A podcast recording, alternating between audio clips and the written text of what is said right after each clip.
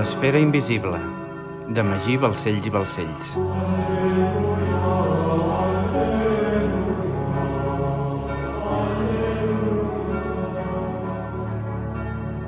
Capítol 17. La bufetada d'Anany. Diumenge 8 de setembre de 1303. Anany. Estats pontificis. El sol del matí començava a il·luminar amb força els camps del Laci, després d'una tímida pluja de final d'estiu. Sobre un turó a 50 quilòmetres al sud-est de Roma, en plena vall del Sacco, la petita ciutat de Nanyi es despertava vital i dinàmica, alhora que Arnau de Vilanova arribava al palau estival dels papes per esmorzar amb sa santedat. Després d'un any a la Rochelle, Arnau havia comprès moltes coses, però, malgrat tot, encara tenia algunes preguntes. Aprofitant que el Sant Pare l'havia fet cridar perquè li passés comptes de la fabricació de la pólvora, intentaria treure la informació al respecte. Davant d'una extensa finestra d'arc apuntat amb vistes a la vall, hi havia una gran taula repleta de menjar. Un pa de blat de dos quilos, pecorino, parmigiano, ricotta, mozzarella, un gran sortit d'embotits de porc i vaca, pomes, peres, taronges, raïm, codonyat, mel, dolços de massapà, panforte, most, llet, vi negre, vi blanc i cervesa. Absolutament desmesurat només per a dos comensals. Com tenim la pólvora, company? va dir Bonifaci, abraçant Arnau, tot just aquest havia entrat.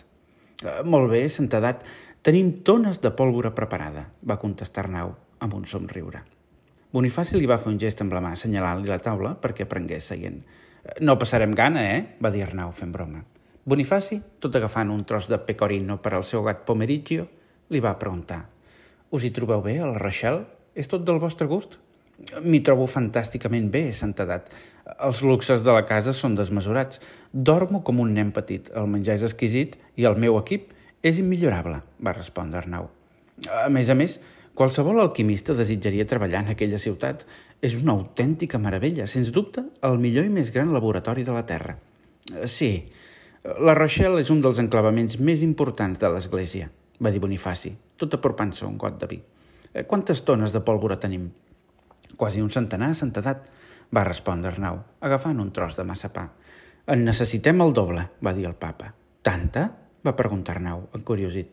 Eh, per què voleu tanta pólvora? Creieu en Déu i en el seu vicari a la terra, Arnau? va preguntar el papa. Eh, per descomptat, santedat, va respondre Arnau. Doncs si creieu en el seu vicari, només us cal saber que la necessitem per la major glòria de Déu i per complir amb la missió sagrada de la ciutat eterna, va contestar Bonifaci per segellar aquella conversa. Arnau, veient la genèrica resposta del papa i entenent que no volia entrar en detalls, va canviar de conversa, tot esperant a reprendre-la un cop el vi hagués fet efecte. Sabeu alguna cosa de Fra Ramon? Fa molts dies que no tinc notícies seves. Fra Ramon és a París. Ens està sent de gran ajuda amb el conflicte amb Felip de França. Sense les seves confidències ja hauríem caigut en el parany del capet, va respondre el papa amb preocupació. Parany? Creia que el rei de França havia cessat les hostilitats. No va donar resultats la vostra estratègia? va preguntar Arnau, recordant la conversa que havien tingut tots sopant a la terrassa del Laterà un any enrere. Sí, durant un temps sí, va respondre Bonifaci. Ens van posar el poble a favor amb la butlla i Felip es va haver d'estar quiet durant un temps. Però quan es va donar que l'havien mentit en la seva candidatura a Rex Bellator, va tornar a reneixer el conflicte. Des de llavors ha estat implacable i el conflicte ha anat en augment fins que no ens ha deixat més opció. Aquesta tarda l'excomunicarem i declararem els seus súbdits exempts del jurament de fidelitat i vassallatge. E, excomunicar-lo? M'ho esteu dient seriosament? va preguntar Arnau, sorprès. Si l'excomuniqueu, els nobles de França no entraran en guerra pel tron? Així és, i el tron serà per qui respecti el poder i els drets de l'Església a França, va sentenciar el papa, tallant un embotit d'un sol cop. No hi ha cap altra manera? Fra Ramon no hi pot fer res al respecte? va preguntar Arnau. Fra Ramon ha estat el nostre ambaixador davant del rei i, gràcies a Déu, ens ha informat per anticipat de les seves decisions – això ens ha donat cert marge de maniobra i ens ha salvat en més d'una ocasió, li explicava Bonifaci. Leonor d'Anjou, la mala puta reina de Sicília, va enviar una carta a Felip explicant-li diverses converses del seu marit que asseguraven el suport de la Santa Seu a la candidatura de Jaume II com a Rex Bellator. Eh, Felip, actuant com si no ho sabés, pretenia convidar-nos a mi i a Jacques de Molay a París, però Fra Ramon ens va advertir que no hi anéssim, perquè el rei sabia que l'havien mentit i pretenia venjar-se. No sé com fra Ramon se'n va poder assabentar, però gràcies a ell vam evitar una més que possible traïció. Venjar-se? En teniu alguna prova de tot això o és només una suposició? va preguntar Arnau. Perquè si l'excomuniqueu sobre la base d'una simple suposició, no em calen proves per excomunicar-lo. Ha anat molt més lluny de tot això, deia Bonifaci, fora de si. Ha tornat a promulgar diversos impostos sobre l'Església. Ha arrestat a tres bisbes que es negaven a pagar. Els ha jutjat i, el més greu de tot, ha retingut tots els diners de les esglésies de França per cobrar-se el seu maleït impost – Fa dos mesos que no ens arriba ni una sola lliure de França. És intolerable. Ha robat a la Santa Seu. Ja hem aguantat prou. Així que l'excomunicarem aquesta mateixa tarda en aquesta mateixa església, va dir el papa, assenyalant una església per la finestra. Eh, santedat, santedat, va dir el cardenal Nicola Bocassini, entrant sobtadament a l'habitació. Eh, cardenal Bocassini, és que no sabeu trucar? va dir el papa, irat. Els francesos són aquí, va exclamar el cardenal Bocassini, sobresaltat, mentre rascava de forma impulsiva una de les moltes taques que li cobrien la cara. «Com que són aquí?», va preguntar el papa, incrèdul. 300 genets, capitanejats per Guillem de Nogaret i Sicarra Colonna, han entrat a Roma i es dirigeixen cap aquí, explicava Bocassini. «No és possible», va exclamar el papa, sobresaltat. El cardenal Bocassini es va acostar a la finestra orientada a l'oest i va assenyalar a l'horitzó. La ciutat, Assentada sobre un turó enmig d'una extensa i oberta vall, tenia unes vistes privilegiades de la zona, i des del palau de Bonifaci s'observava un núvol de pols alçant-se en un camí a la llunyania. Fills de puta! Com collons han sabut que excomunicaríem el rei avui? va exclamar Bonifaci, nerviós. Ordeneu que tanquin les portes de la muralla i envieu un missatger a Roma perquè enviïn reforços. Ràpid! Ha de partir abans que arribin els francesos. Com sabien que éreu a Anany i no a Roma? va preguntar Arnau. De la mateixa manera que sabien que excomunicaríem a Felip IV avui, va dir el papa. És evident que ells també tenen els seus informadors. Insinueu que ha estat algú de la cort pontifícia? va preguntar Arnau. Els mentiders i traïdors pol·lulen arreu, però si en algun lloc es troben amb més abundància, aquest lloc és sens dubte la cúria romana, va dir Bonifaci. En només deu minuts, els genets es van plantar davant de les muralles de Nanyi, enarborant un gran estendard blau sembrat de flors de lis daurades. Bonifaci des del seu palau, podia sentir els crits dels francesos. Llarga vida al rei de França i als Colonna. Malgrat que l'angoixa se'l menjava, confiava que les muralles serien una resistència segura a les ambicions dels francesos i esperava que un cop arribessin els reforços de Roma, aquells 300 genets no tindrien més remei que abandonar. Intranquil, preguntava constantment als cardenals perquè l'informessin de la situació, però de sobte els crits dels francesos se sentien més i més propers. Bonifaci es va acostar cap a una de les finestres que donaven al carrer i els va veure. No pot ser. Maleïts fills de puta, com collons han entrat? Va dir Bonifaci, envaït per la por. Algú els deu haver obert les portes de la muralla, amb tota probabilitat. Els mateixos que han informat els francesos que éreu a Nany i no a Roma, va dir el cardenal Rodríguez, entrant a l'habitació. Heu estat vos, maleït gos castellà? va dir Bonifaci, fora de si. Déu em guardi, santedat. Us juro que no he estat jo, que em caigui un llamp ara mateix, va dir el cardenal Rodríguez, posant-se de genolls i molt nerviós. Els reforços de Roma no arribaran a temps. Aviat serem presos dels francesos, va exclamar el cardenal Bocassini, amagant un somriure. Es pot saber de què collons rius, cara tacada? li va cridar el papa. De sobte es va fer el silenci i a baix al carrer es va sentir un home parlant al públic allà congregat. Benedetto Gaetani, l'il·legítim papa que es va dir Bonifaci VIII, ha ultratjat i prostituït l'Església de Crist. Per ordre de sa cristianíssima majestat en Felip IV de França i Navarra, venim a exigir-li l'abdicació immediata. Si no es doblega a les exigències de Déu i el rei, Benedetto Gaetani serà arrestat i portat a França, on serà jutjat i deposat. Per què el poble no oposa resistència? deia el papa, lamentant-se. Els Gaetani mai han tingut gaire popularitat a Anagni, va respondre el cardenal Bocassini. I ara què fem?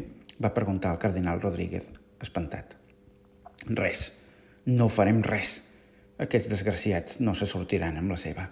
Oposarem resistència fins al final, que la guàrdia es prepari per defensar el palau. Ni abdicaré ni aniré a França, per sobre del meu cadàver. Si he de morir, moriré com a papa, va cridar Bonifaci, ple d'orgull. Porteu-me la mitra de les tres corones i totes les insignes papals.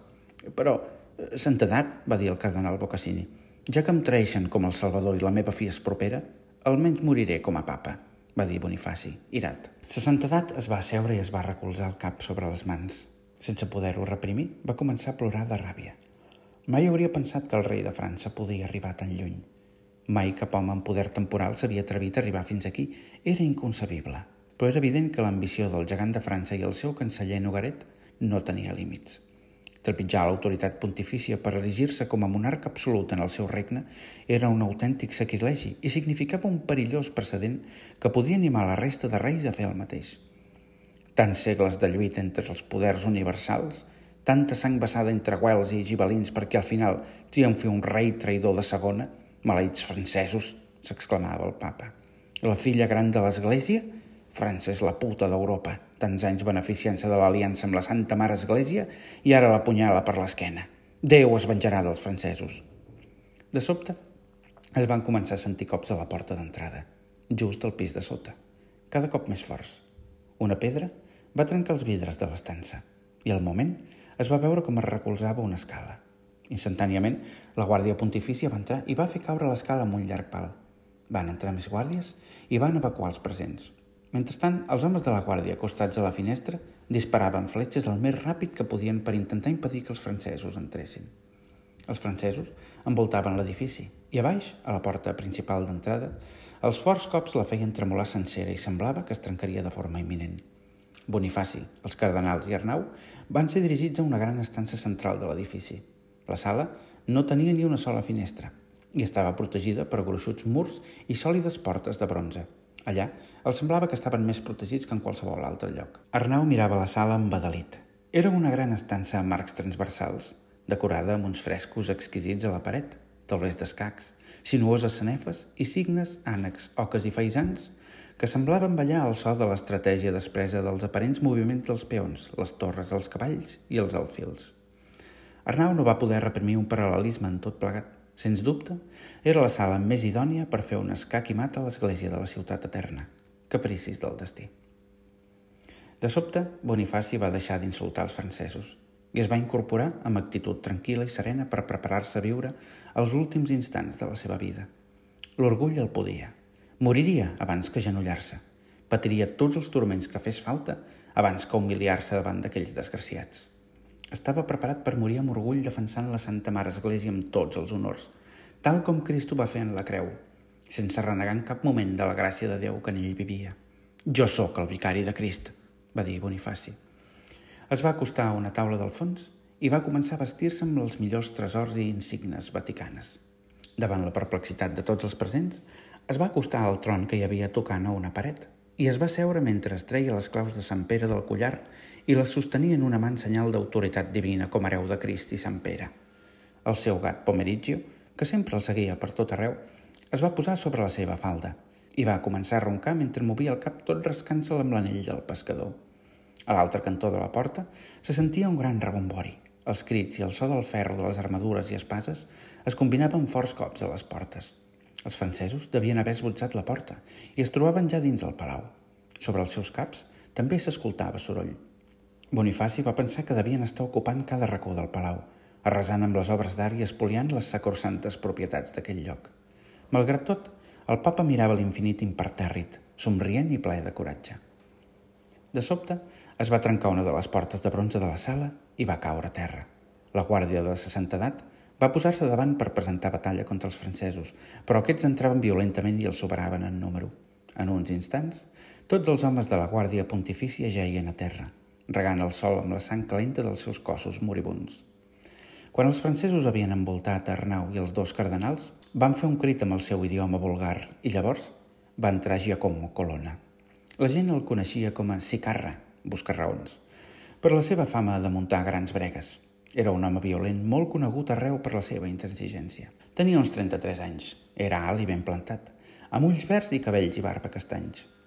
La seva estatura i robustesa intimidaven a tothom i el seu caràcter fatxenda desprenia por i imposava autoritat. A més a més, portava una luxosa i decorada armadura de ferro que encara engrandia més els seus aires. Arnau, mirant-lo de forma dissimulada, va advertir que li faltava la mà dreta. Giacomo l'havia perdut en només 13 anys en un dels seus renys constants per Roma. Des de llavors portava una mà ortopèdica de ferro. Sicarra va avançar en silenci. Mirava fixament a Bonifaci sense dir res – només somrient amb ironia. Quan va ser només uns pams de Bonifaci, aquest va dir «Aquí tens el meu coll i aquí el meu cap. tindràs el valor suficient per, de sobte, Sicarra va fer un ràpid moviment amb la mà de ferro tot colpejant a Bonifaci. El papa es va balancejar violentament cap a un cantó i va caure del tron. No havia tingut temps de reaccionar. Va intentar alçar el cap, però al moment es va desmaiar. La bofetada amb la mà de ferro li havia fet perdre els sentits. Al moment el gat es va arquejar i va començar a bufar davant de Sicarra, qui va fer un moviment d'atac per intentar espantar-lo. Però el Pomericcio, sentint-se amenaçat, va saltar ràpidament sobre la seva cara i va començar a esgarrapar-lo. Sicarra va caure a terra, tot intentant se'l treure de sobre, però no podia. Un dels francesos es va acostar i va donar un cop de peu al gat, fent-lo marxar espantat sota un moble. Quan Sicarra es va alçar, tenia tota la cara ensangada i sentia una cremor insufrible. Es tocava la cara i es mirava les mans plenes de sang. Va mirar el papa a terra i al moment va sortir de la sala. Al cap d'uns instants va entrar Nogaret. Va mirar tots els presents amb cara amarga i va ordenar que els fessin presoners. El cardenal Rodríguez va ser posat en una cel·la i Arnau i Bonifaci en una altra. Per contra, el cardenal Bocassini va instal·lar-se a les dependències papals amb Sicarra i Nogaret. Al cap d'unes hores, quan Bonifaci va tornar en si, va mirar al seu voltant i, veient Arnau, va preguntar «Eh, «Què? Què ha passat?» «Eh, «Nogaret ens ha tancat aquí, als soterranis de Palau», va dir Arnau. Ja ha tornat en si aquesta bola de greix? va preguntar un soldat francès a l'altre cantó de la porta. Al cap d'uns instants es va obrir la porta i Nogaret va fer acte de presència. Qui sou vos? va preguntar el papa. Guillem de Nogaret, canceller reial de sa cristianíssima majestat en Felip de França i Navarra. Amb aquesta cara d'amargat no podia ser ningú més, va replicar Bonifaci amb ironia. Ja esteu disposat a abdicar? va deixar anar Nogaret. Mai abdicaré. No us sortireu amb la vostra, va dir Bonifaci. Jo, sens dubte, ho faria, perquè si no, us espera un final molt pitjor, va dir Nogaret, amb ràbia. Podeu conservar la vida abdicant. Per contra, si no ho feu, els Colonna i els Orsini es faran càrrec de vos. Què creieu que us faran? Què creieu que anhelen de vos? Potser uns dies sense aigua i menjar us faran recapacitar. Nogaret va marxar i just quan la porta de la cel·la es va tancar, Arnau va preguntar «Els Orsini i els Colonna?» Com el rei de França, ells també volen el meu cap, va dir Bonifaci. I què penseu fer? va dir Arnau. No puc fer res. Maleïts fills de puta, va exclamar Bonifaci. Si els reforços de Roma encara no han arribat, significa que els Orsini i els Colonna ja ho tenien tot previst. Eh, puc preservar la vida i perdre l'honor, o mantenir l'honor i perdre la vida sota torment. Abdiqueu, va dir-li Arnau. Mai, Mai. Prefereixo ser la presa dels Orsini i els Colonna que un vulgar pres del rei francès. És mil vegades millor morir sent papa en mans dels romans que morir com a heretge a mans d'un francès. Durant dos dies van estar allà tancats sense menjar ni beure. Mai haurien pensat que les conseqüències de la inanició serien tan terriblement cruels.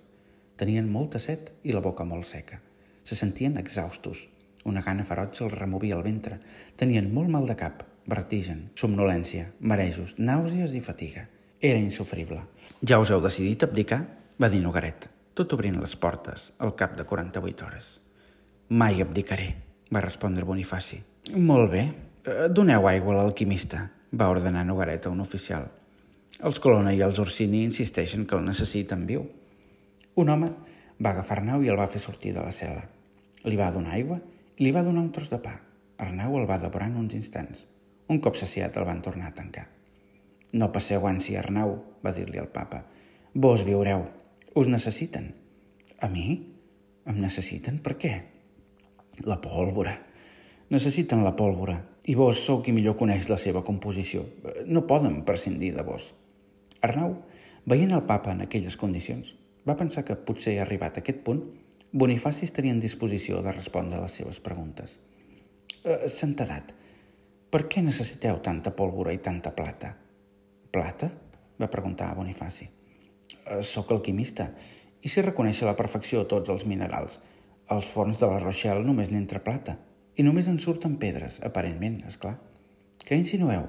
li va preguntar a Bonifaci. Que aquells carreus de pedra ho són només en aparença. El contacte de la plata amb l'aigua règia fa que adoptin la semblança de la pedra, li va contestar Arnau. Sou un alquimista excepcional va ser una sàvia decisió encomanar-vos la fabricació de la pólvora, va dir el papa. Eh, per què els canvieu l'aparença? va preguntar Arnau, inquiet. Les catedrals necessiten plata per funcionar, va sentenciar el pontífex. Per funcionar? va preguntar Arnau, perplex. Tots els temples estan alçats en llocs importants, explicava Bonifaci, en penes i treballs. Llocs rics en magnetisme generat pels corrents telúrics de la Terra.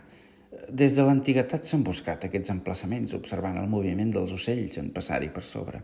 Però no va ser fins que Juli César va trobar la xova d'Horus que tots els temples pagans van començar a ser construïts exactament en aquests llocs.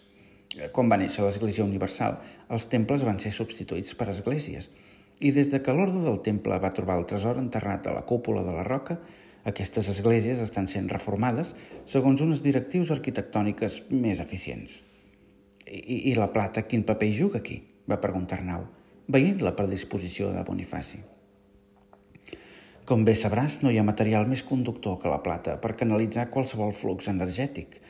Si en una magna construcció àurea col·loquem plata en el lloc indicat, en aquest cas les claus de volta, tenim un perfecte control sobre el flux energètic. Però amb quin objectiu? va preguntar Arnau. Influir sobre els sentiments i la conducta de la gent per escometre amb el destí sagrat de la ciutat eterna. Governar sobre el temps. Governar sobre el temps? com es pot governar sobre el temps? Tot flueix i reflueix. Tot es mou com un pèndol.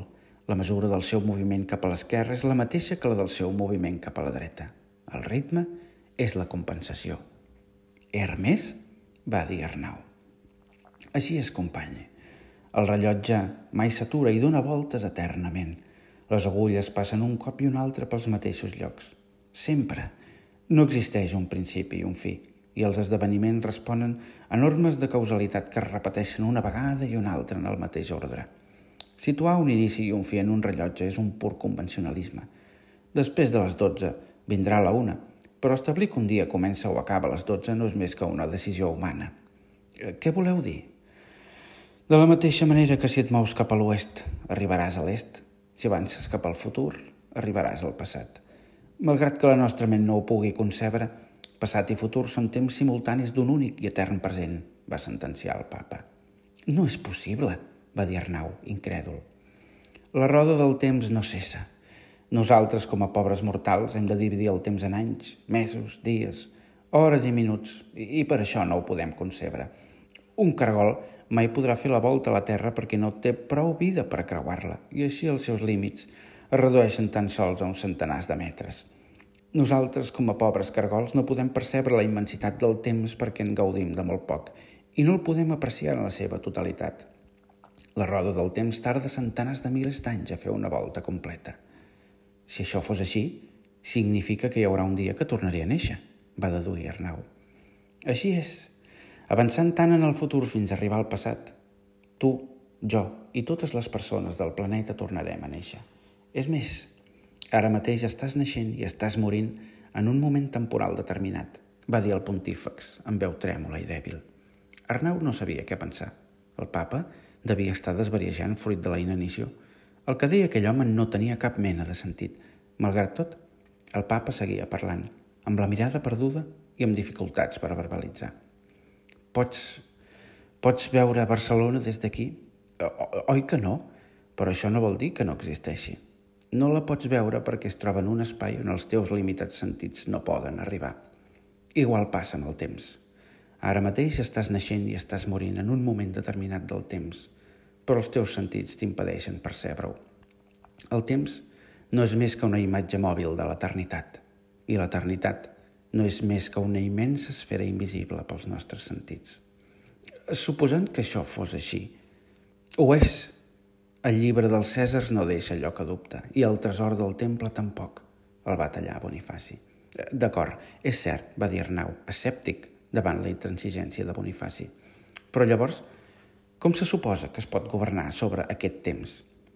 Els temples, les esglésies, les catedrals. Les catedrals serveixen per accelerar o alentir la roda del temps segons les nostres conveniències. Són el pèndol universal que determina el ritme del temps. Esteu parlant seriosament? va preguntar Arnau, creient boig el papa. Qui creus que és el responsable de l'òptim climàtic d'Europa? No t'has preguntat mai perquè tots els calendaris sempre s'han confeccionat des de Roma? Per què creus que és Roma qui determina quan comencen i acaben els períodes d'Advent, Nadal, Quaresma, Pasqua i temps ordinari? No són les esglésies les que anuncien l'hora exacta a tot Occident? I què és això, sinó un gran rellotge universal? De sobte es va obrir la porta i Sicarra va entrar amb una bota d'aigua. Es va acostar davant de sa santedat i va vessar l'aigua per terra. Bonifaci es va incorporar de cap a terra de forma instintiva per començar a llepar-lo. Sicarra reia tirànicament davant d'aquella imatge. Uns segons després, Sicarra va donar la bota a Bonifaci i aquest va començar a veure aigua amb desmesura. Sicarra somreia i pensava que havia estat molt fàcil. Bonifaci havia begut el suficient com perquè el brou de bolets barrejat amb aquella aigua fes efecte. Tot s'ha acabat, santedat. Marxem cap a Roma. Hem de començar a preparar el vostre funeral i el conclava, va dir Pietro Colonna, mirant-lo des de la porta. Bonifaci va sortir de la cel·la davant la mirada somrient dels Orsini, els Colonna i el cardenal Bocassini, però abans d'abandonar-la es va girar mirant Arnau i li va dir «Cuideu el pomeriggio». «Així ho faré, santedat», va dir Arnau, amb llàgrimes als ulls.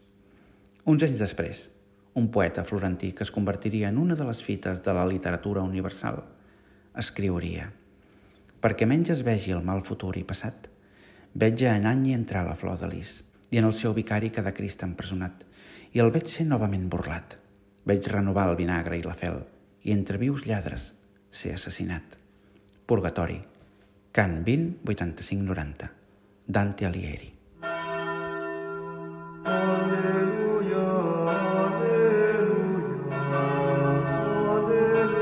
L'esfera invisible, de Magí Balcells i Balcells. Aleluia.